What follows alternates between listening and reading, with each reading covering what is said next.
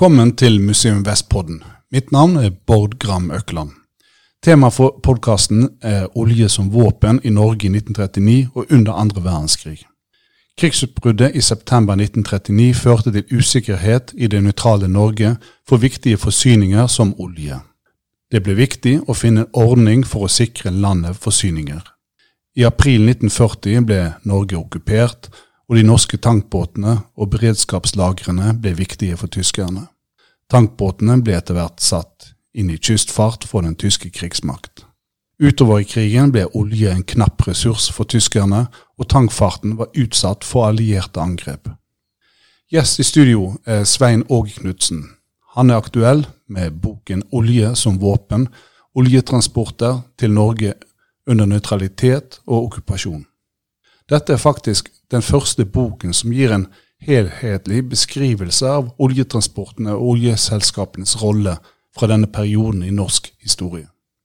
Svein Åge Knutsen er historiker, og han har tidligere arbeidet som arkivar både i Riksarkivet, Bergen byarkiv og Hordaland fylkesarkiv. Knutsen har gitt ut flere bøker og artikler om norsk okkupasjonshistorie, bl.a. bøker om Bergen som tysk ubåthavn under andre verdenskrig og det norske ubåtvåpenets historie. Velkommen.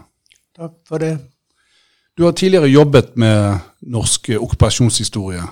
Hva var det som fikk deg til å forske på oljetransporter til Norge under krigen? Jo, eh, jeg gjorde noen erfaringer etter å ha skrevet eh, boken 'Ubåtkrig' eh, på midten av 2000-tallet, eh, hvor jeg ble klar over hvilket arbeid som lå bak å gjøre en ubåt operativ. Utdannelse, proviant, våpenutrustning, ubåtmedisin, hvor flere ubåter hadde egne leger om bord, osv. Med andre ord logistikk. Eh, det er skrevet på hundrevis av bøker om de tyske overflateskipene, men så godt som ingenting om de tankskipene som til enhver tid lå oppunder for å etterfylle krigsskipene før de stakk til sjøs på jakt etter allierte konvoier. Utfordringer mangel på KTB-er, eller krigsdagbøker, som tyskerne kalte det. Vi kan snakke om patruljerapporter, hvor eh, vi kan følge tankenes bevegelse. Dette var ikke mulig pga. Tankbåtene hadde ikke egne krigsdagbøker. Det var bare de tyske krigsskipene som førte patruljerapporter fra minutt og time og dagevis under toktet. Derfor må vi rekonstruere tankenes bevegelser gjennom andre kilder. F.eks. hvis de dukker opp når vi leser en krigsdagbok for et tysk krigsskip, så står det gjerne at de har hatt besøk av en tankbåt. Og så nevnes navnet og hvor mye olje de har mottatt. Statlige kilder. På Riksarkivet finner vi bl.a. arkivet etter Statens skipsfartsdirektorat og eh, arkivet etter Oppgjørskontoret, som lå under Justisdepartementet. I tillegg har jeg besøkt eh, Statsarkivet i Stavanger, hvor eh, oljearkivene befinner seg. Tyske krigsdagbøker er til hjelp, som sagt, for rekonstruksjon av tankskipenes bevegelser. Eh, I september 1939 så kom jo krigsutbruddet. Norge var nøytralt. Men hvordan påvirket krigsutbruddet oljeforsyningene til Norge? Det ble ganske tidlig klart at vi måtte bygge opp beredskapslagre i landet. Og i den forbindelse så ble det opprettet et eget departement, Forsyningsdepartementet. Og det ble vedtatt å opprette beredskapslagre både i offentlig og privat regi. Det ble opprettet lagre for det sivile samfunn, for Forsvaret, og oljeselskapene ble også pålagt å ha egne beredskapslagre i tillegg til deres lagre som var for salg. I mellomkrigstiden ble olje en viktig handelsvare for eh, internasjonal skipsfart. I hvilken grad var eh, Norge en del av den eh, tankskipsfarten i 1920-1930-årene? Og Hva var status for norsk tankskipsfart høsten 1939 og vinteren 1940? Eh, norske redere satset på tankmarkedet fra midten av 20-årene og ble ledende på verdensbasis i løpet av 30-årene.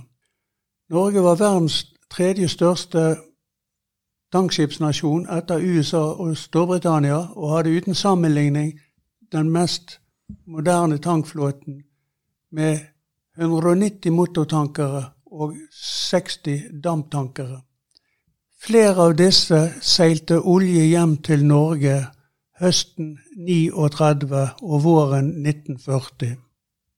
Hva, hva tror du var grunnen til at eh, Norge ble så ledende på tankskipsfarten?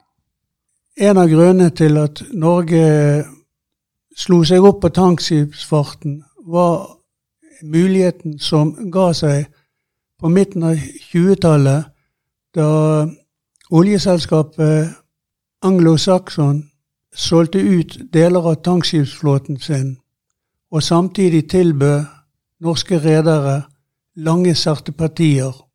Mm. Det medførte at norske redere kastet seg inn i tankskipsmarkedet, og 26 tidligere anglo-saxon-tankere ble kjøpt av norske redere og seilte på lange tidsartepartier. Det var den avgjørende starten for den norske tankfarten på 30-tallet. Eh, I boken ser du også på den tyske tankskipsflåten i 1939-1940. Eh, Hvordan vil du beskrive den sammenlignet med den norske? Den tyske tankskipsflåten var liten. Tyske redere satset ikke på denne treden. Den eneste større reder av betydning i Tyskland var John Esberger. Tyskland hadde bare 16 større tankskip da krigen brøt ut i 39. Resten var mindre kysttankere og eh, såkalte bindentanker, tankbåter som seilte på de tyske elvene. Så den tyske tankflåten var, var den knytta veldig sterkt opp mot å forsyne Tyskland med olje, da? Eh, ja, det kan man si. Eh, Esberger eh, eh seilte olje fra amerikanske oljefelt til eh, Tyskland, hvor eh, man bl.a. i Hamburg og Bremen fant store oljeraffinerier i Tyskland. Hamburg var forresten den største oljehavnen i Europa på den tiden. Hvis man ser bort fra den tyske private tankflåten, så bygget tyskerne i mellomkrigstiden noen større tankbåter for den tyske marine. Disse var havgående og tipp topp moderne. Den mest kjente, gjerne hos oss, er eh, Altmark. Disse andre var av samme type.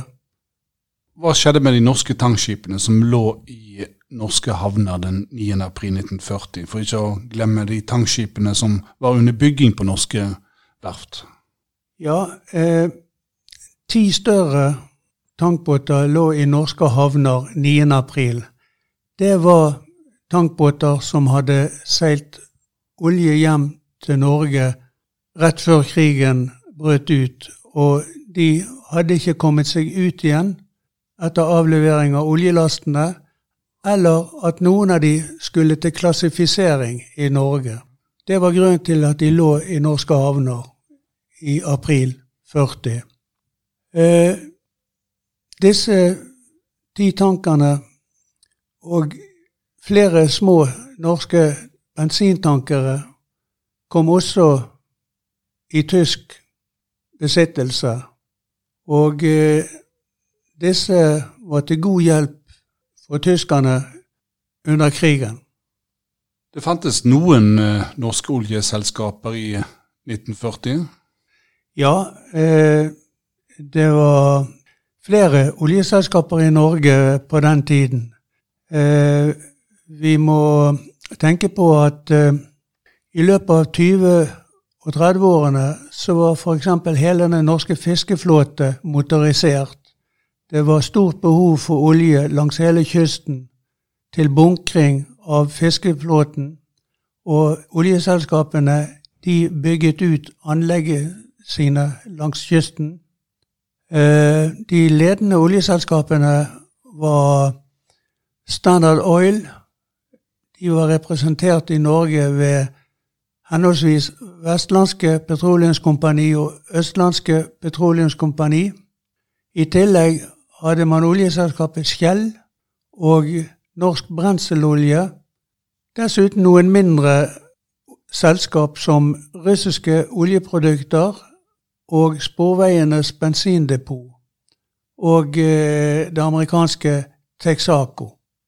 Importhavnene av oljeprodukter fra Tyskland under krigen var i Norge først og fremst anlegg som lå i Oslofjorden. Så var det Valle oljeraffineri i Tønsberg, eller ved Tønsberg. I Kristiansand, Stavanger, Bergen og Ålesund og oppover langs kysten til Trondheim, Sandnessjøen, Svolvær, Harstad, Tromsø og Hammerfest. Eh, hva ligger det i det å være en importhavn for olje fra Tyskland? Med importhavn eh, menes at det var hovedlageret av olje for de norske oljeselskapene på den tid. Og de største anleggene lå naturligvis i nærheten av de store byene i landet. Nær Bergen så fantes det jo òg flere tankanlegg, som f.eks. Eh, Skålevik, eh, Skarholmen, Eidsvåg, Storholmen og Nordnes til og med. Anleggene var militære mål for de allierte under krigen. Kan du si noe om dette? Ja, det var gjerne to hovedfaser i de allierte angrepene. Det første fasen er jo sommeren 1940, hvor eh, flere av eh, tankanleggene rundt Bergen ble angrepet av britiske fly. Og grunnen til at Bergen kom i brennpunktet der, det var det at det lå innen aksjonsradius for britiske fly fra baser i Skottland. De hadde akkurat nok drivstoff til å foreta den flyturen tur-retur med et visst opphold over byen. Hvilke anlegg var som ble angrepet sommeren 1940? da? Ja, eh, det mest kjente er jo eh, angrepet på Norsk Brenselsoljes anlegg på Storholmen, eller Lille Florvågøy. Det anlegget ble mer eller mindre totalskadet i dette angrepet i mai 1940. Men også Skarholmen, som også lå på Askøy, ble angrepet flere ganger. Vi må heller ikke glemme Dolviken sør for Bergen. Der hadde Skjell et anlegg, og deler av det anlegget ble også utbrent etter flyangrep på den tiden. Den neste fasen, kan man si, kommer først sommeren og høsten 44. Det var angrep på anlegg i Tyskland i første omgang, noe som førte til stor drivstoffmangel i Tyskland, større enn noen gang. For drivstofftilførselet var under hele krigen egentlig et problem for tyskerne. Man kan si i fortsettelse av de allierte flyangrepene på drivstoffanlegg i Tyskland så ble det også åpnet for sabotasje i Norge mot drivstofflageret her. Tidligere hadde ikke det vært prioritert av hjemmefronten. Det var nok mye av redsel for represalier mot sivilbefolkningen. Disse angrepene i form av sabotasje høsten 44 fant sted stort sett på Østlandet. På tampen av krigen fant også sted et større bombeangrep mot oljeraffineriet på Vallø, som var eneste oljeraffineri i Skandinavia på den tid. Det endte med en tragedie for sivilbefolkningen. Det var natten 26. april 45 80 britiske bombefly angrep anlegget. Det ble ikke så store skader på selve anlegget, men det ble store skader på sivile hus og mennesker som var tilknyttet anlegget. Til sammen 53 sivile mistet li livet. Det var få mottiltak tyskerne kunne gjøre på det tidspunkt av krigen, bortsett fra å kamuflere oljetankene og møte de med luftskyts. Tyske fly på dette tidspunktet sto stort sett på bakken i mangel av drivstoff. Kan du si noe om hvordan tyskerne distribuerte oljen altså fra Europa til norskekysten? Altså, hvilken rolle spilte ta tankanleggene langs kysten for tyskerne under, under krigen?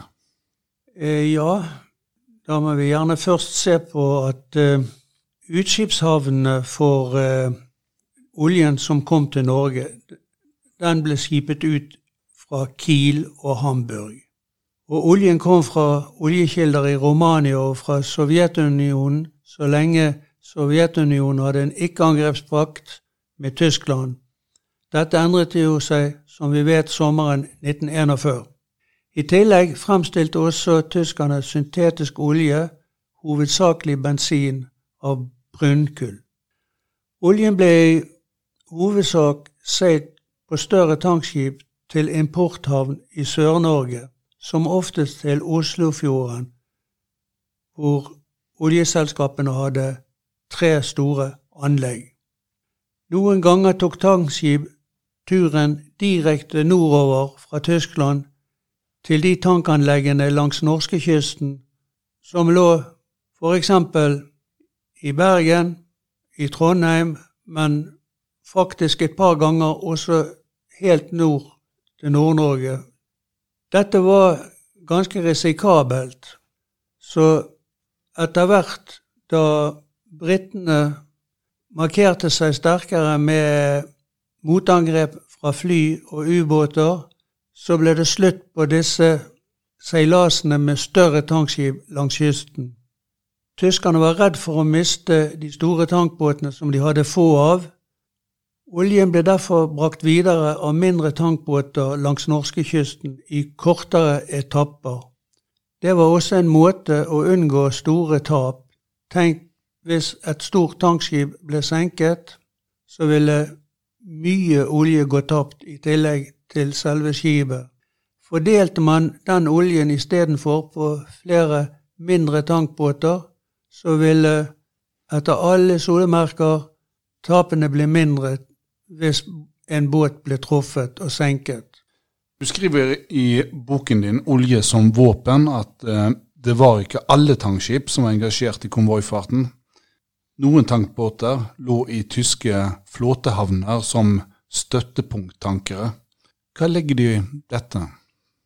Jo, det var sånn at spesielt i Nord-Norge så var det begrenset hva man fant av større tankanlegg på land, slik at eh, man hadde behov for tankbåter som lå standby, fullastet med olje og fungerte som flytende oljelagre.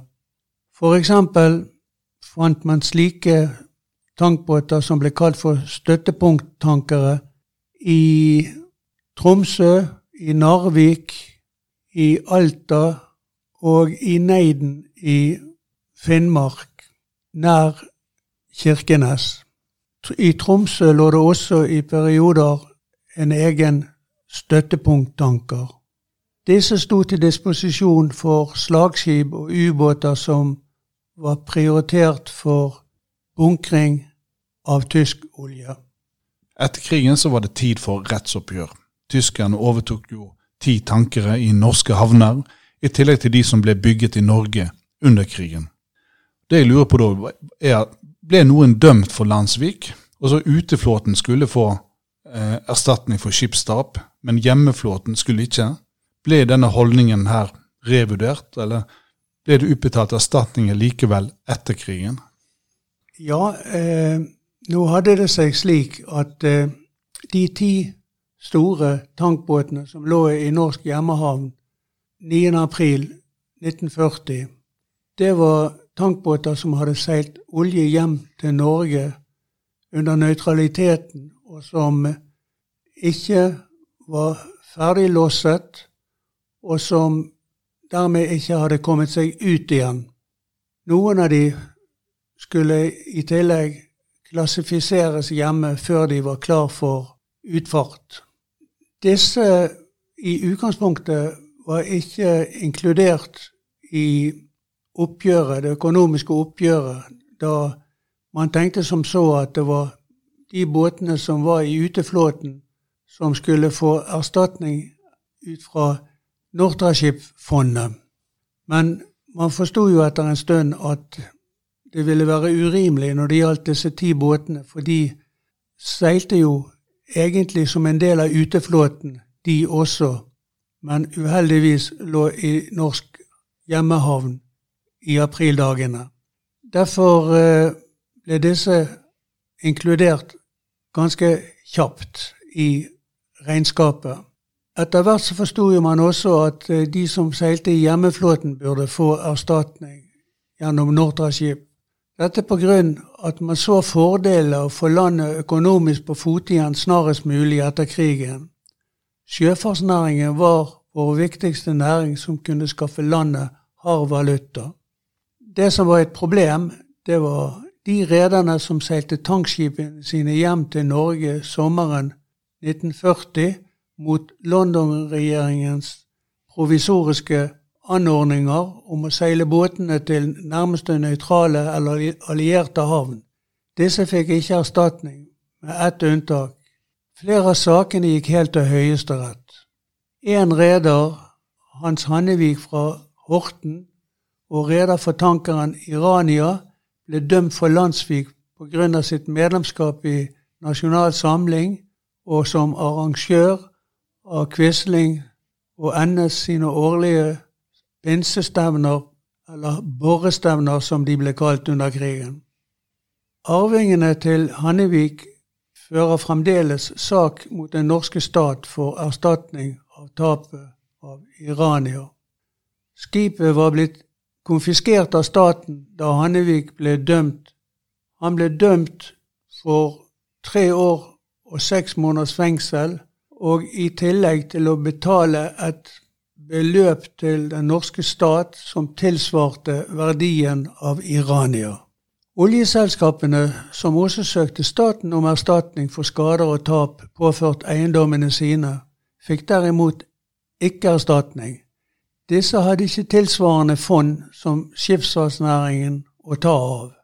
Her argumenterte norske myndigheter med at siden det var utenlandske oljeselskaper som satt med aksjemajoriteten i selskapene, ville det være mer naturlig å henvende seg der med kravene sine.